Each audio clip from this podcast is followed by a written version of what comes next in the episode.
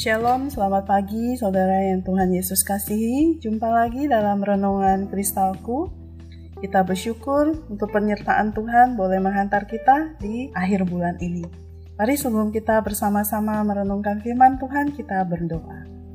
Kami bersyukur Tuhan hari lepas hari, kasih setia Tuhan tak pernah berkesudahan, terus menuntun dan memimpin kami hingga boleh ada di pagi ini. Kami bersama-sama akan belajar firman-Mu, Tuhan berbicaralah kepada kami, tuntunlah kami ke dalam jalan kebenaran-Mu, sehingga kami boleh melangkah bersama dengan Tuhan. Demi nama Tuhan Yesus kami sudah berdoa. Amin. Saudara pembacaan firman Tuhan pada pagi hari ini dari Injil Yohanes pasal yang ke-10, ayat yang pertama hingga ayatnya yang ke-10. Demikian firman Tuhan, Aku berkata kepadamu, Sesungguhnya siapa yang masuk ke dalam kandang domba dengan tidak melalui pintu, tetapi dengan memanjat tembok, ia adalah seorang pencuri dan seorang perampok. Tetapi siapa yang masuk melalui pintu, ia adalah gembala domba. Untuk dia, penjaga membuka pintu, dan domba-domba mendengarkan suaranya, dan ia memanggil domba-dombanya masing-masing menurut namanya dan menuntunnya keluar.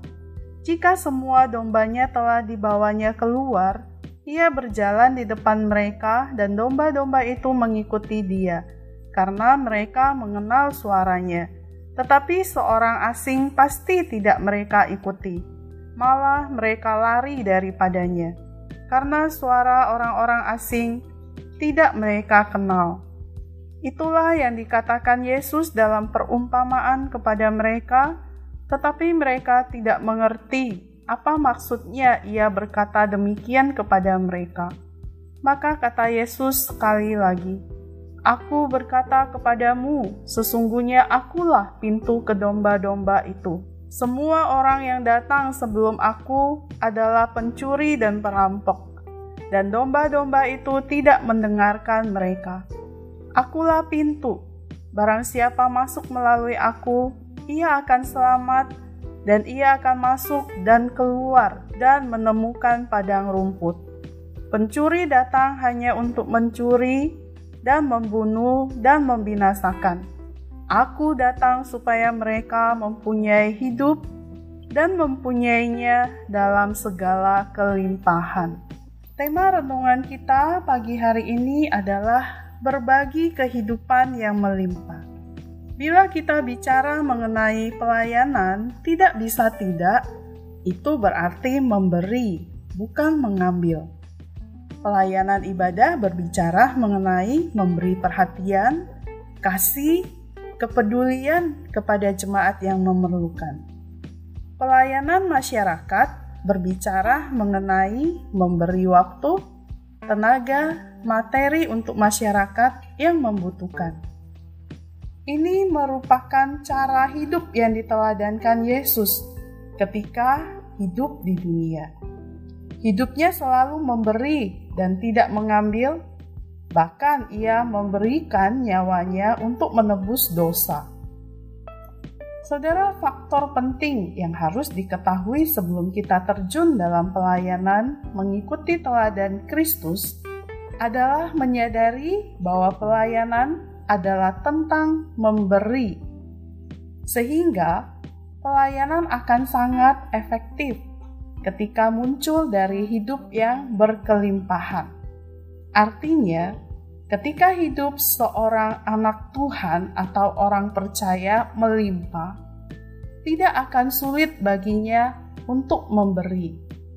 Sebaliknya, Ketika hidupnya berkekurangan, maka ketika terjun dalam pelayanan, orang seperti ini akan sibuk mengambil, menuntut, dan meminta. Tentu saja, ini tidak hanya berbicara materi saja, karena pelayanan berbicara mengenai kasih, perhatian, kepedulian, waktu, tenaga yang diberikan kepada mereka yang membutuhkan. Maka adalah penting untuk kita memastikan hidup kita penuh dengan hal-hal tersebut. Baru kita bisa memberi bagi orang lain. Seorang yang tangki kasihnya kosong atau kurang, dia tidak mungkin bisa berbagi kasih dengan orang lain. Allah lah sumber segala kelimpahan dalam hidup kita sebagai anak-anak Tuhan. Maka sangat penting menjaga hubungan dengan Sang Sumber Hidup, sehingga setiap aspek hidup, setiap anak-anak Tuhan akan selalu melimpah hingga kita bisa membaginya dengan orang lain lewat pelayanan kita. Saudara, ingatlah pelayanan berbicara mengenai kasih, perhatian, kepedulian, waktu, dan tenaga yang diberikan kepada mereka yang membutuhkan, bukan semata-mata bicara tentang materi. Pertanyaannya buat kita renungkan, apakah kita sudah terhubung dengan Sang Sumber Hidup itu? Apakah tanpa terhubung dengan Sang Sumber Hidup, Yesus Kristus, tidak mungkin kita memiliki hidup yang berkelimpahan? Mari kita berdoa. Tuhan Yesus, kami bersyukur untuk kebenaran firman-Mu pagi hari ini. Kiranya hidup kami selalu terhubung dengan Engkau, Sang Sumber kehidupan itu. Engkau datang ke dalam dunia mati, dan bangkit, menebus dosa kami manusia, dan memberikan hidup yang berkelimpahan di dalam Engkau, sehingga dengan kelimpahan yang daripada Kristus, kami boleh berbagi hidup dengan orang-orang keliling kami melalui kasih, perhatian, kepedulian, waktu, dan bahkan materi. Tuhan, kami berdoa kiranya kehidupan kami sungguh boleh meneladani Engkau menjadi saluran berkat di tengah-tengah kehidupan di dunia ini.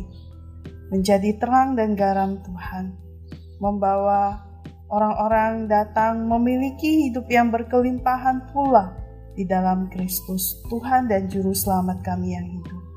Terima kasih Bapa, ini permohonan dan doa kami Demi nama Tuhan Yesus kami sudah berdoa. Amin. Saudara, Tuhan Yesus memberkati dalam segala karya kerja kita hari ini. Bersama Yesus, aku bisa.